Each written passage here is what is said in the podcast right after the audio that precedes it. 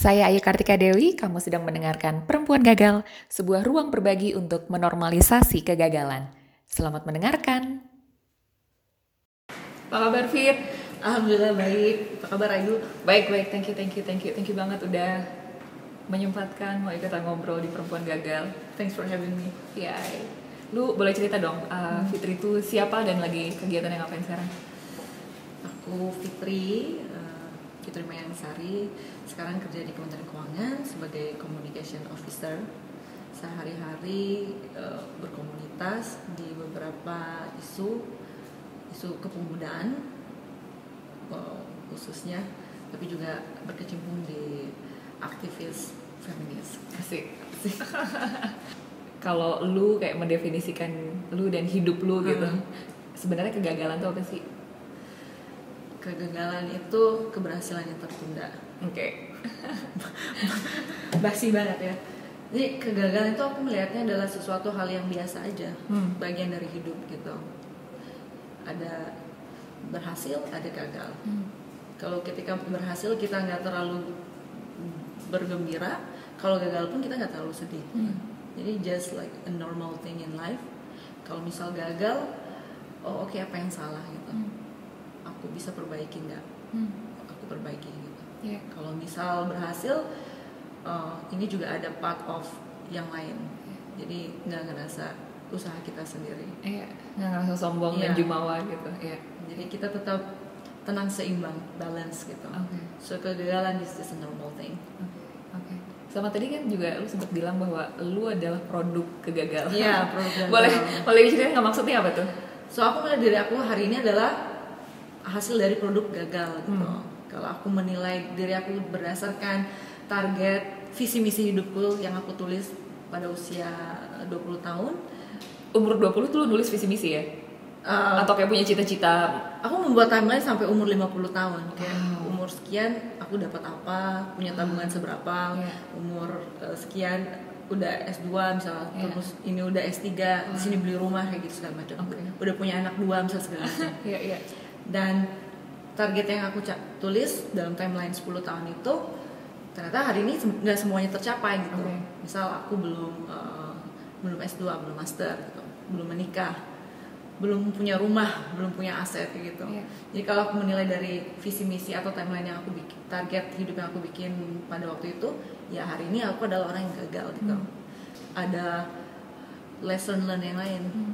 bahwa kegagalan-kegagalan itu yang membentuk aku hari ini bahwa aku menjadi lebih optimis kayak gitu oh oke aku nggak ter- nggak tercapai tapi but I accomplish many things in other part kayak gitu Iya. and it's not always dalam bentuk aset dalam Iya. bentuk atau menurut standar orang lain kayak gitu Iya. jadi aku yang menentukan sendiri Oke, oke. Dan kalau menurut lu sebenarnya kayak kegagalan, Hmm? kegagalan apa sih yang pernah pernah lu alami? Kan kalau misalnya dilihat di sosial media kan kayak hidup lu bahagia, gitu Bahagia kan. terus ya, gitu. Iya, kayak, iya. kayak biasanya kayak selalu ada story lu lagi di mana, lagi nyanyi di mana, atau kayak lagi open week di mana, lagi party apa gitu. Oke. Kayak you always do some a lot of things that's fun. Hmm, ya Jadi sebenarnya kayak gue penasaran kayak lu Um, pernah merasa gagal or struggle somewhere. pasti pernah ya struggle I think like one of the biggest struggle I had uh, back in 2014 gitu Hmm. ketika teman-teman akrab aku satu rumah semuanya pada pulang jadi kita satu rumah tuh ada lima orang waktu itu. Hmm. terus pada pulang ke Kolombia ke Spanyol ke Puerto Rico. Terus tinggal aku sendirian di rumah kayak gitu. Dan suddenly I become I felt lonely Hmm. severely broken heart kayak gitu. Ngerasa nggak ada teman lagi. Karena sebelumnya aku eksklusif pertemanannya kayak nggak oh yaudah aku nongkrong sama ini terus Iya. gitu. Nah ketika itu dan aku sadar bahwa aku nggak punya temen uh, aku menantang oke I I need to open myself kayak gitu terus I I made a pledge aku harus keluar ke jalan ngobrol sama siapa pun yang aku temuin Uh, and then I started my project namanya Orang Jakarta. Hmm. I did that two years selama aku kuliah di 4 pas di STAN. Setiap hari aku commute dari Sudirman ke Pondok Ranji dan di kereta punya kesempatan untuk ketemu sama banyak orang. Terus ketika aku bosen, aku berhenti di stasiun mana pun, terus aku jalan kaki, terus ketemu orang yang aku anggap menarik, ngobrol sama PKL, pedan kaki lima, Iya. sama security, dan selama span dua tahun itu mungkin aku udah wawancara 500 orang kayak Wow. gitu Ya. aku wawancara aku wawancara tuh kayak ngobrol biasa Iya, kayak gini iya. terus endingnya pak boleh saya foto nggak lo Iya. gitu ini mau saya share di blog saya boleh nggak? Gitu. Iya. oh, dan mostly boleh kayak gitu. Iya.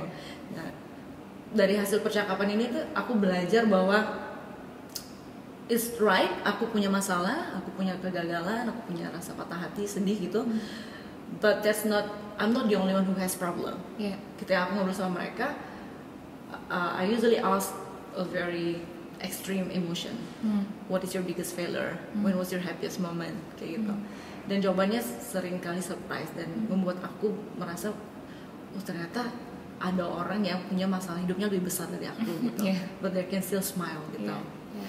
dan aku ba- banyak merasa kebaikan dari orang lain misal aku wawancara orang di pedagang kaki lima mereka habis digusur Hmm. kita nggak boleh dagang di sini mbak gitu terus habis ngeluh-ngeluh ekonomi terus mbak mau makan nggak gitu bilang, oh enggak bu makasih saya kenyang enggak ini gratis Ya. I was like kayak dia barusan ngeluh Iya. ekonomi tapi dia masih bisa kasih aku makan gitu so bicara sama orang it was a therapeutic Iya. kayak mengobati luka hatiku jadi aku selalu berusaha kayak the, I think this is one of uh, yang aku syukuri dari aku ketika aku gagal aku berusaha melihat sisi positif lainnya so kayak waktu itu patah hati bukan kayak bunuh diri cuma kayak oke uh, aku nggak punya teman aku kalau gitu bikin teman baru Ya, ya.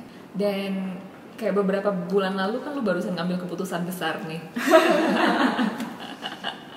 Iya ya Uh, boleh diceritain ya kayak keputusannya apa, terus Iya. kayak what what's what was the journey? The journey ya Karena pasti untuk nyampe ke sana dan kayak untuk bisa Iya. memutuskan itu pasti juga susah. Wow, ini pasti banyak yang pengen dengerin yang ini. Jadi bulan Januari kemarin aku memutuskan untuk membuka hijab setelah mengenakannya sekitar 12 tahun sejak masuk ke kuliah gitu. Sejak 2006 terus awal 2019 aku buka. Perjuangannya untuk menuju keputusan itu 2 tahun. Hmm. So I had the thought since December 2016 kayak kenapa ya pengen buka. Pasti ada alasan sebelumnya cuma kayak ke mentionnya tuh pas itu. Terus tapi aku nggak berani gitu, karena banyak ketakutan nanti apa kata orang. Hmm. apalagi aku kerja di pemerintahan yang katanya lebih banyak lebih strict kayak gitu. Orang waktu itu aku bilang ya udah kalau kamu pengen lakuin lakuin aja gitu orang akan ngomong cuma seberapa lama sih? Sebulan tiga bulan setahun? And they're gonna move on. Tapi itu mental di aku kayak enak aja kamu ngomong kayak gitu. Tapi setiap hari ke kantor aku dan setiap Iya. hari ngomong dengerin omongan orang itu aku gitu. It sounds doesn't make sense. Ya. terus selama 2 tahun kayak ups and down kadang keinginan muncul kadang hilang kayak what is the real reason? Do I lose my faith? Aku bilang gitu. Apakah because I wanna look prettier or because I just wanna be free? Gitu I was like in always question kayak gitu. Terus 2018 I experience office politics somehow. Dan uh, banyak down kayak gitu. So it's like it was accumulating. Hmm. I withdraw myself from my activity from banyak hal. Karena takut dijudge oh ini orang cari panggung. Hmm. ini orang uh, gila fame kayak gitu. Haus uh, ketenaran segala macam dan aku ngerasa kayak oh banyak banget ya diserang kayak gitu Yeah. and for the next two years I never took any pictures karena aku takut salah Hmm. karena ah fotonya nggak bagus nih kayak gitu Oke. So instead of aku membuat foto yang jelek terus berusaha lagi, aku mendingan nggak usah ngambil foto. Daripada gagal Iya. atau Iya. daripada salah gitu. Iya, dari aku mau kesal mending aku nggak nyoba. Oke. That's a really toxic Iya. mindset gitu. But when I come back kayak gitu, terus um, oh nggak apa-apa salah gitu, nggak apa-apa nggak sesuai ekspektasi orang. Ini Nanti setelah gue ikut proses meditasi. Iya ya? proses meditasi. Oke. and then keinginan untuk membuka hijab itu semakin muncul lagi gitu terus dan akhirnya aku tanya kenapa gitu oh cause this is what I want alasan-alasan lain kayak gitu itu ya personal dan I don't think I need to explain kalau orang yang mau nanya gitu Iya. kalau kita mereka tanya kenapa aku bilang "'Cause this is my life journey and this is what I want right now maybe someday I will use it again I don't know but people are changing Yeah. me 10 years ago with me now Yeah. is so much different kayak gitu anak usia 10 tahun dengan 20 tahun pasti sudah banyak perkembangannya. We have met a lot of people uh, in com- different communities. We are expand expand to exposed to different mindset, and I think it's kind of like shaped me. And I finally brave enough to say, this is what I want, and I want to do it. Yeah. And I don't need to explain to anyone. Yeah, yeah, yeah. You don't have to explain Yeah. to everyone. Yeah, it's it's your Uh, decision. yeah. Apakah keputusan keputusan lepas hijab itu adalah keputusan lo yang paling berani? Symbolistic yes, ya karena itu paling kelihatan dan orang selalu bisa lihat kalau mereka tahu aku in the past they can always trace back kayak Hmm. gitu. Even in my social media, I do I do not delete my old pictures. Oke. Jadi orang selalu akan bisa Iya. melihat. Sebelumnya tuh kayak ragu apa aku aku ingin menghapus jejak masa laluku gitu. Iya. Kayak foto-fotoku yang lama semua aku kusin. Tapi aku sadar bahwa no it was part of my journey gitu. My accomplishment, my achievements gitu, my broken heart, my sadness part itu semuanya terpotret di sana. Dan I cannot erase that gitu. I cannot this is not reborn, but this is part of the journey, part of, part of the pace gitu. Dulu sangat takut kalau misal aku jalan terus ada yang lihat, oh kok mbaknya nggak pakai hijab ya? Dulu jadi kayak setengah-setengah di kantor masih pakai, Eh, di luar enggak gitu. Oke. Kalau misal ada yang orang kenal aku, dulu sempat sangat takut. Sampai akhirnya kayak ya udah kalau orang, mbak itu kamu ya, iya gitu. Terus kalau mereka, ketika kita berani itu orang nggak akan terlalu nggak akan nanyain lagi sebenarnya. Iya. Jadi ketika aku make the decision, aku buka. Tantangan terbesar adalah buka di kantor. Hmm. Ini banyak yang orang takut buka di kantor karena setiap hari kita menghabiskan set- setengah hidup kita di sana, ketemu orang yang sama. Jadi ketika ada yang datang ke aku nangis, nanyain atau bilang kecewa atau kirim doa, just smile on them like terus makasih gitu. Dan mereka berusaha mancing-mancing nanya kenapa alasannya. Aku jelasin hanya ketika aku merasa ini orang bisa menerima, kalau nggak bisa menerima, I give them time to process, I give them time to understand. Um, Oh, may I Yes. tell this? sure. Jadi waktu aku pulang meditasi 10 hari and then I got my decision tahu-tahu pulang chicken out lagi gitu aku takut gitu tiba-tiba post pertama aku di Instagram setelah 10 hari nggak pegang handphone postingan Ayu your posting yang tulisannya kayak uh, bagi kalian yang masih bersembunyi gitu semoga segera diberikan kekuatan gitu apalagi semoga I, remember. I remember. Yeah. uh, yang masih mencari gitu semoga ditemukan gitu. Yeah. I was like it, it was like this is really a message for me. I'm, I'm still hiding kayak gitu kan. Semoga segera, segera diberi keberanian gitu. Keberanian untuk memulai Iya. menyapa ya. ya I It was it was one of the trigger like really to to, to do it. kayak. Wow.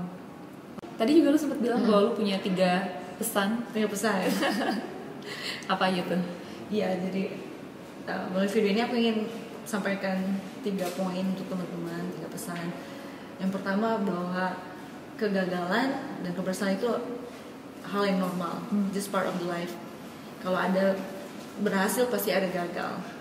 Kalau kita sudah tahu bahwa hanya ada kedua kemungkinan itu kita kita mencoba sesuatu, ya apa yang kita takutin sih? Saat kita taking video ini hanya ada dua kemungkinan take-nya berhasil, take-nya gagal. Kalau berhasil ya alhamdulillah. Kalau gagal kita take lagi gitu. kan. That's simple. Gitu. Iya. Uh, apa- Terus yang pesan kedua adalah bahwa kegagalan itu juga itu adalah proses. Life is a journey gitu. Even the winner al- also lose in on rounds. Pemenang tinju itu melalui 12 ronde. Mereka juga kalah di beberapa ronde. Iya. Iya. Bisa aja mereka kalah di lima ronde. Iya. Mereka menang 7 ronde. Iya. But at the end they still win gitu. Iya.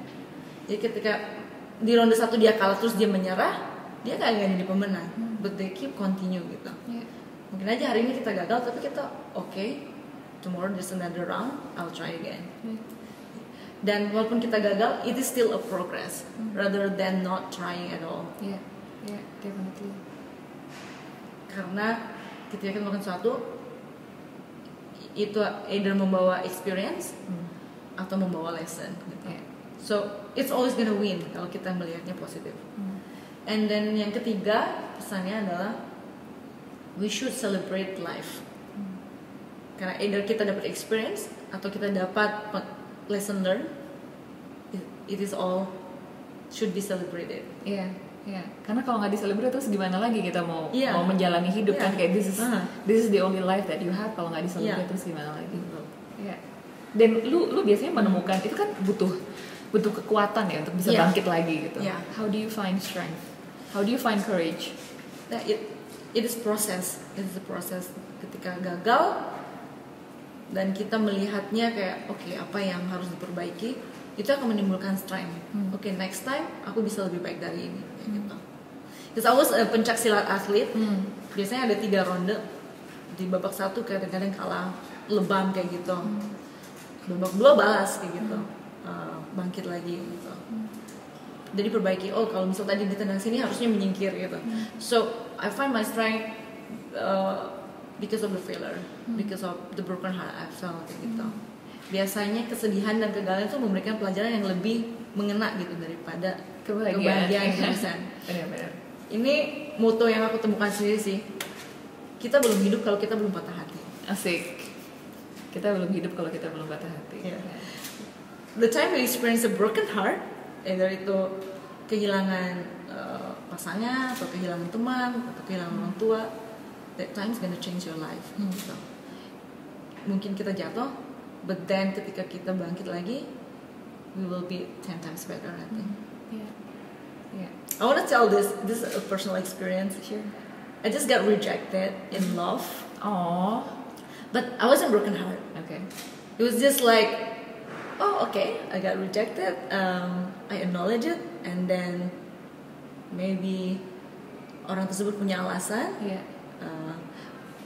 Sempat down pastinya kayak apakah aku kurang sempurna apakah Yeah, aku yang not kurang good enough, yeah, yeah. not good but then i realized bahwa no i am strong i am enough i'm talented and i am me gitu it's alright we ju- maybe we're just not compatible Iya.